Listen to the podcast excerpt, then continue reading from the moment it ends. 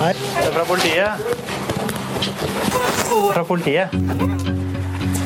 Jeg heter Hans Olav. Kommer fra politiet. Hei, hyggelig. Um, nå er det sånn at uh, vi kommer inn her fordi at uh, vi har en beslutning om å pågripe deg.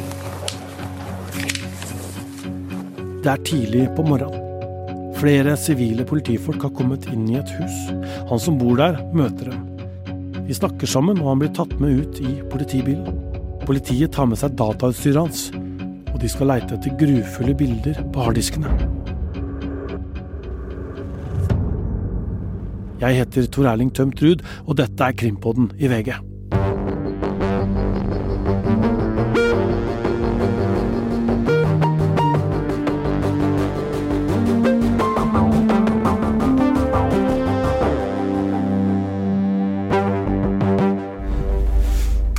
Vi skal få være med på noe vi ikke har eh, sett før, og høre helt unike opptak. Ok, og Da har vi vært inne på politistasjonen. Yes. Det er en mandagsmorgen i desember i fjor, og Øystein Milli og Håvard Christoffersen Hansen, som er reporter i VG, sitter i bilen og venter. Nå er det jo sånn at vi eh, sitter utenfor Drammen politistasjon. Det er klokka er åtte. Eh, Det er mørkt, og folk er på vei til jobb. Typisk sånn ja, hektisk eh, mandagsmorgen i, i Drammen. Og ja, vi sier ikke hvor langt unna vi skal, men vi skal kjøre et stykke. Eh, sitter jo noen nå som snart får politi på besøk. Der har vi dem. Der er. Da kjører vi.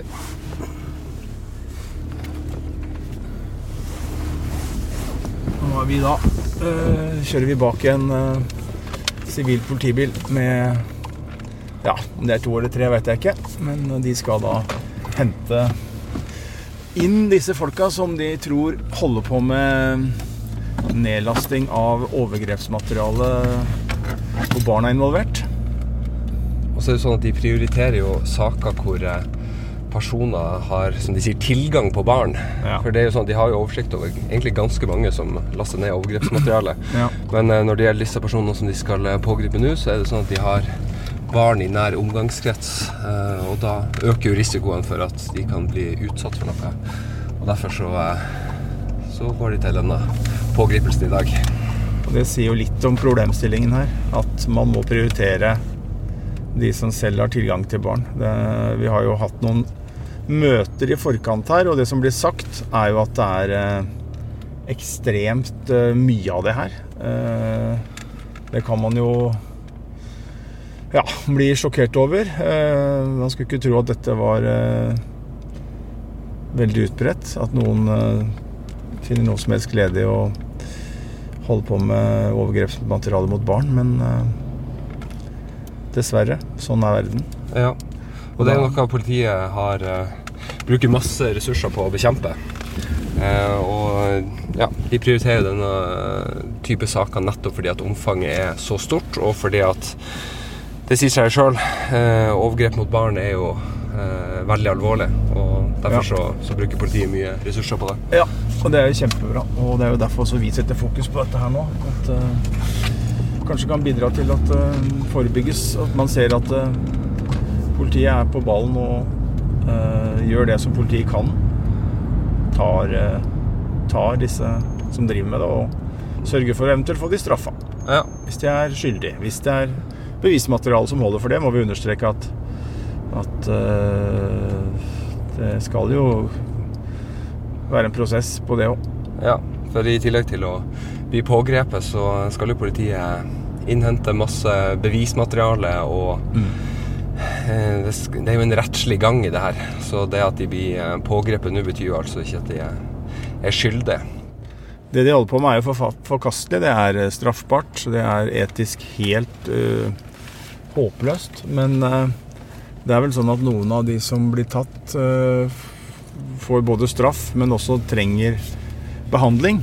eh, Ja. For å komme ut av det mønsteret man er i. Ja, Jeg ser jo fortsatt at det er mørkt her. Nå begynner det jo å lysne litt til her, men, men hvorfor gjør de disse pågripelsene så tidlig? Øystein? Nei, det er jo taktiske vurderinger blant sånne ting alltid. Det er jo blant annet eh, kanskje at da folk er hjemme, og at du kan overraske dem ja, mens de sover kanskje òg. Det er litt snø på bakken, det er julelys i vinduene. Folk begynner å gå til jobb, noen lufter hundene sine. Dagliglivet der vi er nå, går sin vante gang. Men nå er det ting som skjer i kulissene her som er mer dramatiske enn vi kanskje kan se for oss. Da er jo aksjonen i gang her òg. Da ser vi jo tre politifolk som eh, sivilt parkert bilen og går bortover eh, gata her. Eh, vi vi bare kjører bare rolig bak dem her. Ja. Så skal han bli parkert nå Parkert et stykke unna her, og så går de inn et hus her nå. Vi kunne eventuelt stilt oss Vi kan Prøve her. Kan prøve det.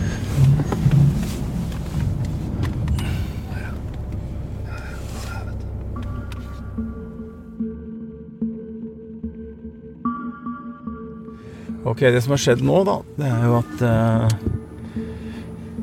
vi har eh, kjørt ut fra politistasjonen. Kommet fram dit som politiet har aksjonert nå. Gått inn, tre stykker. Bar med seg noen bager og utstyr og har gått bort til det huset. Og rett og slett eh, sannsynligvis akkurat nå banka på. Skal vi gå opp sånn, eller? Hallo? Jakob Kristiansen, Kolsen i Drammen. Vi har en beslutning om ransaking. Vi skal ta avhør av dere som bor her. Så kommer vi til å ta beslag i datautstyr som er i huset. Det er det som kalles for. Det er, det er ingen andre her. Nei, dere er aleine. Det ser jo veldig snille ut. Så er det noen andre ting vi trenger å redde for. Dette er eh, beslutninga som retten har eh, utferdiga.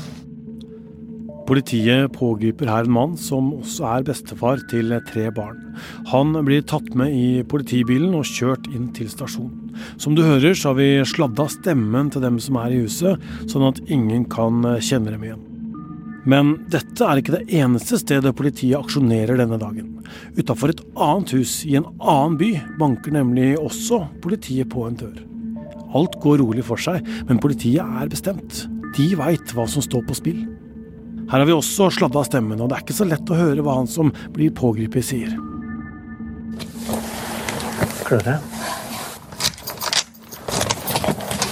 Ja, han er her. Hei, det er fra politiet. Fra politiet. Hei. Ja, gjerne det. Jeg heter Hans Olav. Kommer fra politiet. Hei, hyggelig. Nå er det sånn at eh, vi kommer inn her fordi at eh, Ja, supert. Vi har en beslutning om å pågripe deg.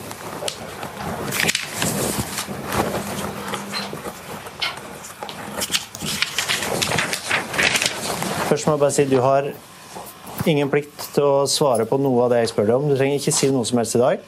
Du har rett til å nekte å forklare deg. Skjønte du det?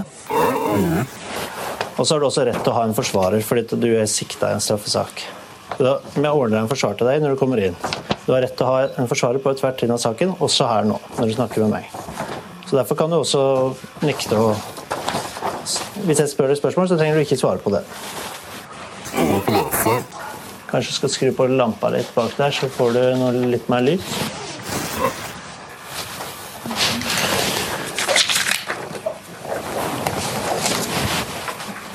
Vil du melde fra på Stamman? Du kan eventuelt ringe inn bare og forklare det. for noen. Ja, jeg kan ta. Ja. Og her er altså siktelsen og beslutning om ransaking. Du kan få lese det òg. Har du noe forsvarer du ønsker å bruke? Du skal ordne en forsvar til dine. Ja, fikk du lest begge? Siktelsen òg? Ja, du skal få mulighet til å se på det eh, når du kommer inn. Men det som skjer videre nå, da, det er at du skal få eh, Du blir kjørt inn til arresten, og så kommer du til å få snakke med Hanna. Vi skal prate sammen i dag, hvis du vil. Um, så lurer meg på uh, Bruker du noen medisiner du må ha med deg? Ja. Da tar vi det nå. Og så lurer vi på Har du noen forsvarerønsker, noen du kjenner til du har lyst til å bruke? Hvis ikke, så ordner vi en forsvarer fra en sånn fast liste som har godkjente forsvarere. Uh, og som sagt så trenger du ikke svare på noe av det jeg spør deg om her i dag, men jeg lurer på litt sånn Den siktelsen her gjelder jo elektroniske enheter. Har du noe PC, iPad, andre ting enn telefonen din liggende her?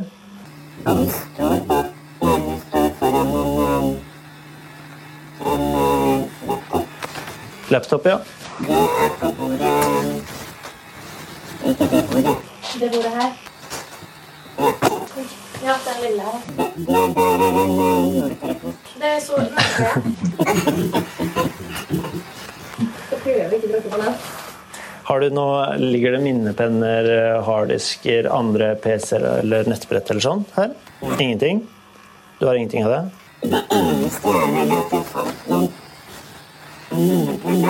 Ja. Nei, men det er greit. Da får vi ordna med medisinene. Da kan du øhm, bli med Hanna, og så ordner dere det. Nei, medisiner er. Folk har medisiner overalt. På soverom og stua og det som er. Det må nesten være.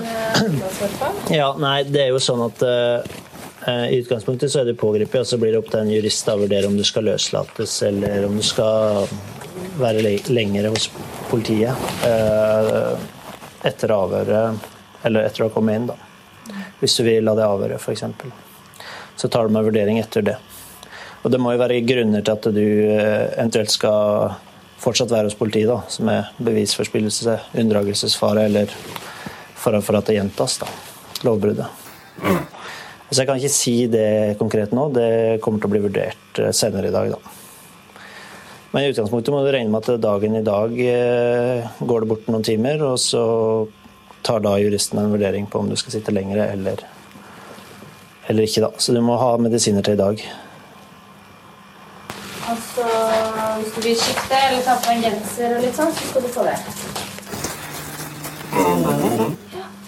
Det er ganske kaldt ute. Bruker du lue eller eh, noe sånt, botter eller noe sånt, så kan det være greit. Ja, eller det er ganske kjølig ute nå. Nei, men hvis du ikke bruker det, så trenger du ikke det. Stasjonen der? Nei, visitasjon? Var det fint? Ja, det er bare for at du ikke har noe annet. Det ikke noe som kan stikke meg eller eh, skade på på noen måte.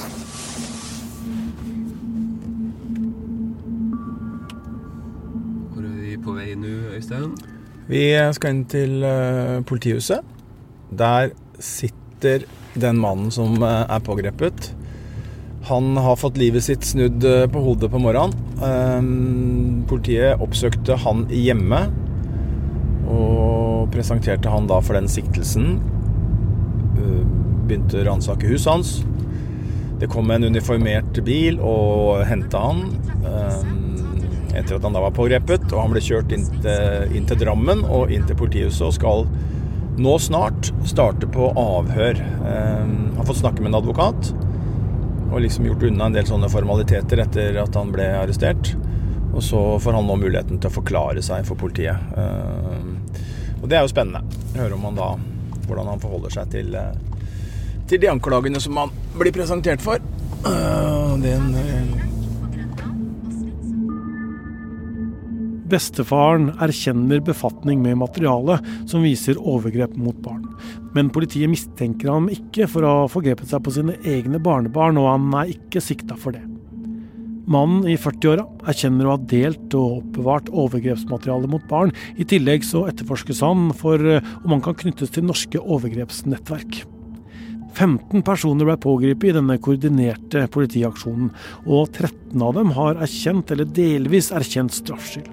De er alle menn, og er mellom 17 og 75 år.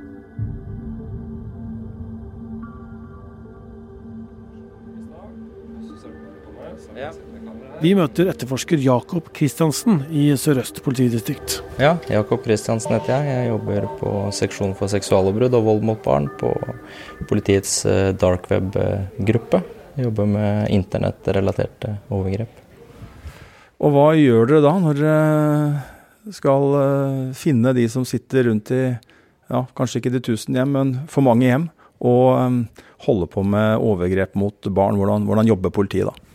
Nei, Enkelt og greit så er vi en del av et uh, større system uh, sammen med Kripos, som uh, har tilgjengelig informasjon på folk som laster ned overgrepsmateriale via kjente systemer som NECMEC i USA og andre mer avanserte metoder. NECMEC i USA er National Center for Missing and Exploited Children, som blir varsla av de store selskapene som Google, Facebook og Snapchat, som da har systemer som plukker opp overgrepsmateriale. Det kan være bilder eller videoer som viser voldtekt av barn, eller det kan være barn som deler seksualiserte bilder av seg sjøl. NECMEC sender så tipsene til landene bildene kommer fra. I Norge er det Kripos som tar imot, og sender det videre til politidistriktene og til Jakob, som vi snakker med her. Og så har dere egne folk, egne lokaler hvor dere holder på med ja, fysiske analyser av datautstyr bl.a.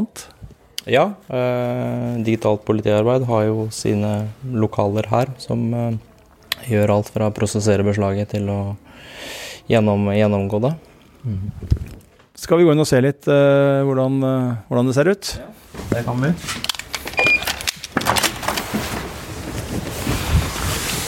Se her, ja. Så her uh, sitter jo uh, Her er på en måte gjennomgangsstasjonene. Her sitter etterforskerne og, gjennomgår uh, det beslaget. Altså de det, det, de på digitalt politiarbeid gjør, at de tar jo en speilkopi. De speiler jo enheten, f.eks. en datamaskin, og prosesserer den gjennom et dataprogram. Og så er de dataprogrammene da tilgjengelige her på de gjennomgangsstasjonene. Så det er her vi sitter og, og gjennomgår mediefiler, da, primært. Når en person blir pågrepet, så er det i hvert fall to ting som skjer. Eller kanskje tre ting òg. Dere drar hjem og ransaker hjemme. Tar en person inn til avhør, og så blir det da sendt en dataenhet eller flere inn hit da, til ja. undersøkelser. Ja, så vi tar med beslaget opp hit. Skriver rapporter, skriver til eh, DPA hva vi ønsker at det skal eh, gjøres med. Koder, brukernavn, passord, og sånne ting. Og så er det opp til de å gjøre den eh, speilingen, da. Så hvor vanskelig er det å finne bevis eh, generelt på eh, en dataenhet som dere mistenker er brukt til eh, nedlasting av overgrepsbilder eller filmer av barn? Stort sett så er det ganske enkelt. De fleste, eller alle personer, bruker datamaskiner, mobiltelefoner. Uh, veldig få har en anelse av hvor mye spor de legger igjen. Uh, for hva de trykker på, og hva, vi, hva, som er mulig å gjenskape. Og hva man tror man har sletta som man egentlig ikke har sletta. Så i veldig mange tilfeller så er det veldig enkelt. I andre tilfeller så jobber jo vi med personer som gjør mange tiltak for å skjule seg, og som har høy datakompetanse. Som kan gjøre det nesten umulig å, å, å finne. Omfanget av uh, potensielle kandidater for dere her i, i Sør-Øst politidistrikt, hva vil du si om det? Eh, det er uh, enormt. Bare på NECMEC i år har vi fått over 500 tips. På andre systemer har vi over 1000 IP-adresser som det er mulig å, å, sjekke ut. Så et sted mellom 1000 og 2000 kanskje unike personer i politidistriktet til enhver tid. Og hvor mange regner dere med at dere klarer å straffeforfølge? Eh, nei, i år har vi kanskje oppretta et sted mellom 25 og 30 straffesaker. Så har jo du vært ute på en aksjon i dag. Dere har pågrepet en mann. Mm. Eh, hva møtte dere der? Der eh, møtte vi mann eh, og kone eh, som var eh, hjemme. De var godt opp i åra, pensjonister. Ehm, og eh, ante vel for så vidt fred og ingen eh, fare der, hvor eh, ja, mannens hemmelighet muligens blir avslørt for første gang. Så det var sjokk. Og da er snart uh, datautstyret hans på vei inn hit, kanskje, da, eller? Ja, nei, det står igjen der. Så det har vi fått med oss allerede. Den dagen eh, Krimpodden eh, var med da, på denne aksjonen, så har vi også hørt at det var to menn som ble pågrepet mens eh, vi var med. Det var en bestefar i slutten av 60-åra og så en mann i 40-åra på to forskjellige steder. Og Øystein, hvordan var det da å være med på dette her? Ja, nei, det er veldig spesielt. Jeg har jo vært med i noen ja, tilsvarende, eller i hvert fall lignende situasjoner før. Eh, og det å kjøre inn i et eh, boligområde og vite at eh, ja, her bor det vanlige folk, for det var det det gjorde. Det var et helt normalt boligområde som du finner tusenvis av rundt i Norge. Og så vite at og, og, da visste jo ikke vi Vi hadde vel fått adressen, men jeg var i hvert fall ikke klar over Satt ikke og tenkte over det der og da, så jeg uh, tenkte ok, hvilke hus er det de skal inn i? Uh, og så skjønte jeg jo veldig fort det.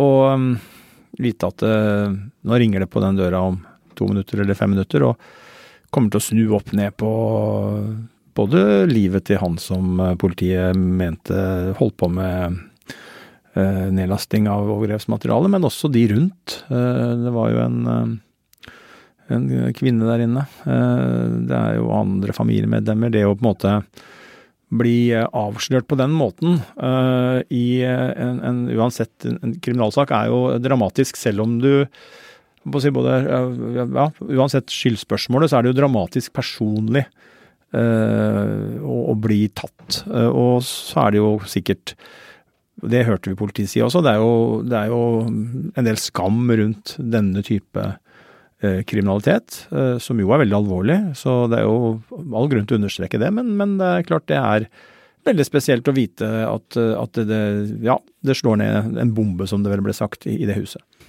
Altså Du og Håvard da, som kjørte i bilen her, dere kjører jo på en måte som gjør at dere ikke står i veien, eller kanskje ikke blir sett heller? Ja, vi eh, hadde jo gjort avtale på forhånd, hadde hatt dialog over lang tid og sagt at vi ønska å dokumentere en sånn type operasjon. Eh, og da eh, hadde vi en veldig veldig fin dialog med, med politiet i Sør-Øst, eh, som vi hadde noen møter med i forkant og avklarte forskjellige ting. Og vi avklarte også litt hvordan vi skulle ja, forholde oss til dette med personvern, og vi avklarte hvordan vi skulle forholde oss til publisering, tidspunkt osv. Og, så videre, og vi forholdt oss jo til det operative, eh, og hvordan vi skulle gjøre det for ikke å komme i veien. Og det sier seg jo sjøl at når vi velger å gå inn i en sånn eh, en situasjon, en operasjon som det er, så, så gjør vi jo det på, på politiets premisser. Eh, og, og, det var jo det var jo ingenting vi Altså, vi ville jo overhodet ikke komme i en situasjon hvor vi ødela noe, vi, eller trigga noe, eller at vi gjorde belastningen større for den som ble pågrepet. Så derfor så var vi helt til skjul, men vi eh, kunne likevel følge med, følge med, på hva som skjedde. Vi har jo vært øh, ved noen pågripelser tidligere, Øystein. ikke sant? Vi har øh, vært der da Lommemannen ble pågrepet i sin tid. Eh, du var i nærheten da Tom Hagen i Lørenskog-saken ble pågrepet. Da visste ikke politiet eh, noen ting om det, men vi har også vært med på ja, jeg har vært på sånne eh, cannabisplantasjer rundt omkring, narkotikasaker, prostitusjonssaker har jeg vært med politiet på. Da er det sånn, no, Noen saker så veit de ikke at vi er der, og da er det veldig viktig at de ikke veit det. Men noen ganger så, så får vi lov til å være med også. Ja, og det er veldig forskjell eh, på de to situasjonene. Eh, nå var det jo oppmøte på politihuset og eh, sånn og sånn, og vi skal ut her og der, og heng på. Men det er det jo fordi de har lyst til å vise oss noe, da?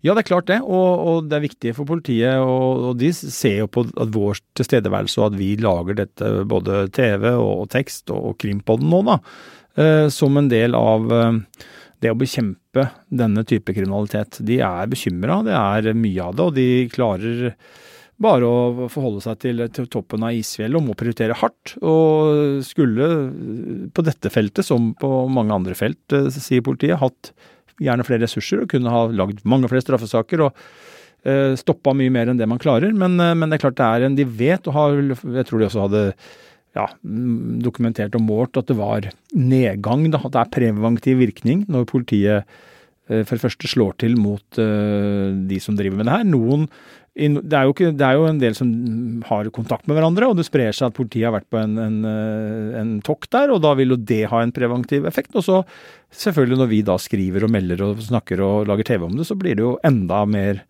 preventivt eller en større effekt på det. Og det er klart at da oppnår politiet mye, så det er jo derfor de ønsker å måtte ta oss med. Og så tror jeg nok også det er litt for å sikkert å dokumentere og være våpen om hvordan politiet jobber og vise frem det. fordi at eh, det har også en verdi for politiet at de ja, er så åpne de kan i forhold til uh, hvordan de tjener det samfunnet de er satt til å, å tjene. De som uh, blir pågrepet her, visste de at dere var der? Det gjorde de ikke. Eh, de fikk ikke vite det før etterpå. Fikk da på en måte muligheter til å, å si, mene noe om det, og, og, hvordan vi skulle forholde oss til ja, om vi skulle følge med på avhør, eller om, skulle, om de ønska å si noe. eller ja, Vi fikk jo alle de mulighetene der, og så var det deres eget valg. Men da var det veldig sånn eh, proft og strikt at når de da, eh, der vi var, da, ønska ikke at vi skulle Han ønska ikke at vi skulle følge med på den prosessen videre, men at vi kunne snakke med forsvareren hans etterpå, og da gjorde vi det. Mm.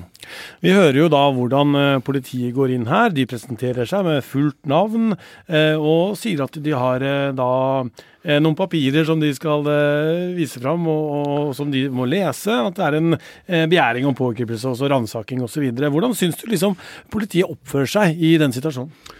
Nei, det vi fikk innblikk i, syns jeg jo var en veldig forbilledlig eh, oppførsel. Eh, de var rolige, eh, forståelsesfulle, men selvfølgelig bestemte. De går jo inn i et hus og ønsker at f.eks. ikke bevis skal gå tapt, og da må man ta noen forholdsregler med tanke på Eh, hvem som kan få snakke sammen, eh, hvordan folk kan bevege seg inn i huset osv. Men, men, eh, men de var veldig forståelsesfulle, og de på en måte fremførte budskapet så nøkternt som du kan. Et dramatisk budskap. Og gjorde selvfølgelig som de skal. De som ble pågrepet, kjent med rettighetene. De ikke behøver å si noen ting. De har rett på advokat. At, men at politiet da har rett også til å ta deg ut av huset og med til arresten. og det, det, er ikke noe, det får du ikke gjort noe med. Det er et dramatisk budskap, som du sier, men det er ikke noe dramatikk i situasjonen. De bøster jo liksom ikke inn i huset her, da. Nei, og det gjør de jo ikke før på å si de må. Hadde det vært en situasjon hvor man ser for seg at man kan møte motstand i form av våpen eller vold eller andre ting, eh, så vil det jo være en annen tilnærming. Men her valgte man jo en så skånsom eh, pågripelse som mulig. Det var jo sivile politifolk, var, altså sivilkledde.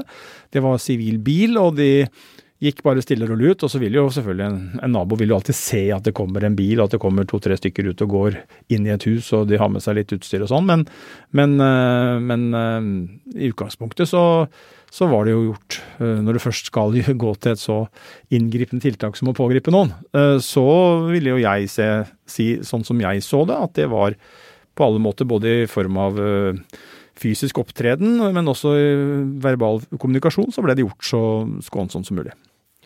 Du fikk jo være med inn på der eh, disse politifolka jobber med dette. Altså de, de gransker av harddisker og iPader og PC-er og alt mulig sånt for eh, bilder av overgrep mot barn. Hva slags inntrykk fikk du liksom av den jobben de gjør? Nei, For det første så må jeg få lov å si at jeg eh, beundrer de folka som jobber med dette her. Ehm, det var jo mm, selvfølgelig Det er folk som har egne barn, eller om det er barnebarn, eller om du har nevøer og nieser. Du forholder deg jo til, til barn i, din, i, i, hverdagen din, i privatlivet ditt også. Og det, og det å sitte og ha den belastningen det er å gå gjennom dette materialet. Vi hørte litt om hvordan de prøvde å skåne seg, at de kunne skru av lyd, og at de selvfølgelig har et opplegg rundt seg med lederstøtte og sikkert HR-støtte og kan lufte ut og debrife. Men, eh, men likevel, da. Du skal gjennom det du må, og det ja, det, det, er Jeg hørte jo Jakob, som vi møtte, fortelle om, om hvordan det var å se disse barna øh, og de lidelsene man utsettes for. og jeg har jo heldigvis uh, sluppet å se på noe sånt noen gang, uh, men, men, men, jeg har jo vært i, i rettssaker hvor barn som har blitt utsatt for overgrep, forklarer seg, eller at du ser avspilling av tilrettelagte avhør, og det, det er ja, det er ja, det Jeg tror ikke jeg klarer å beskrive det. Det er så fælt at det skjærer gjennom marg og bein. Vi kaller jo dette her eh, materiale som viser overgrep mot barn. Vi bruker ikke det som vi sa før, altså barneporno. Det var det det ble kalt før, og det bruker man ikke lenger. Hvorfor ikke? Nei, Det handler jo om at uh, i dagligtalen, dagligtalen så brukes jo porno, pornografi om noe, og så er det mange diskusjoner om hvor, uh, hvor på en måte både legalt og hvor etisk bra det er. Men i utgangspunktet så finnes det jo pornografi som, uh, som kan være lovlig, og det er jo aldri seksuelle handlinger som jo er overgrep, og grusomme overgrep mot barn. De er jo aldri det. Og derfor så er det tenker jeg, eh, viktig. Nå vet ikke jeg akkurat hvorfor det skillet ble gjort, men jeg kan tenke meg hvor, hvorfor jeg vil For jeg òg skrev jo det i, i, tidligere tider, at det var, at det var en barnepornografi siktet. Eh, men det, etter hvert som det ble endra, så har jo jeg gjort egne refleksjoner rundt det. Og jeg tenker jo at det må skilles da veldig på at uh, man kan ikke kalle noe som uh, ja, kan være filming mellom voksne mennesker som i utgangspunktet er med frivillig på noe, og som ikke behøver å straffes for noe. Det kan ikke bruke den samme betegnelsen på det som, som grusomme overgrep mot forsvarsløse barn. Hva skjer med de folka som nå er sikta i denne saken her? Nei, det har jo vært og pågår prosess med dem. De har jo da fått muligheten til å forklare seg for politiet. De har jo fått advokat. Eh, og så er det litt ulikt. Eh, det var jo mange som ble tatt i denne aksjonen. Noen har erkjent, og ja, dette, nå går på en måte den prosessen sin gang. Og så eh, blir det jo da rettssaker i de sakene hvor politiets etterforskning viser at her er det grunnlag for tiltale. Så blir jo folk straffa for dette her, og så gjør man opp for seg. Og så håper vi jo at de som er involvert i denne saken her, kommer seg ut av eh, det de har holdt på med, og, og ikke begår eller er involvert i noe sånt igjen. Når vi publiserer denne eh, episoden, så er det torsdag, og det er også da siste dag i en annen rettssak som vi har fulgt med på. Det er det. Det er innspurt på rettssaken mot Anders Besseberg. Han har jo en tidligere president i Det internasjonale skiskytterforbundet. Han er tiltalt for eh, grov korrupsjon. Der handler det om eh, eh, kvinner som påtalemyndigheten mener er prostituerte. Det er dyre klokker, det er dyre biler, og det er ikke minst mange kostbare jaktturer som har vært tema i, i retten i Hokksund i mange uker. og vi har jo en egen serie i Podme som heter Skandalepresidenten. Jeg har faktisk noen få gjesteopptredener der, men den er jo i hovedsak lagd av våre gode kolleger. Denne episoden har Håvard Kristoffersen Hansen og Øystein Milli bidratt eh, stort med, som dere har hørt. Ruth Einvoll Nilsen, Hanna Espevik og Vilde Våren jobber også i Krimpodden. Jeg heter Tor Erling Tømterud.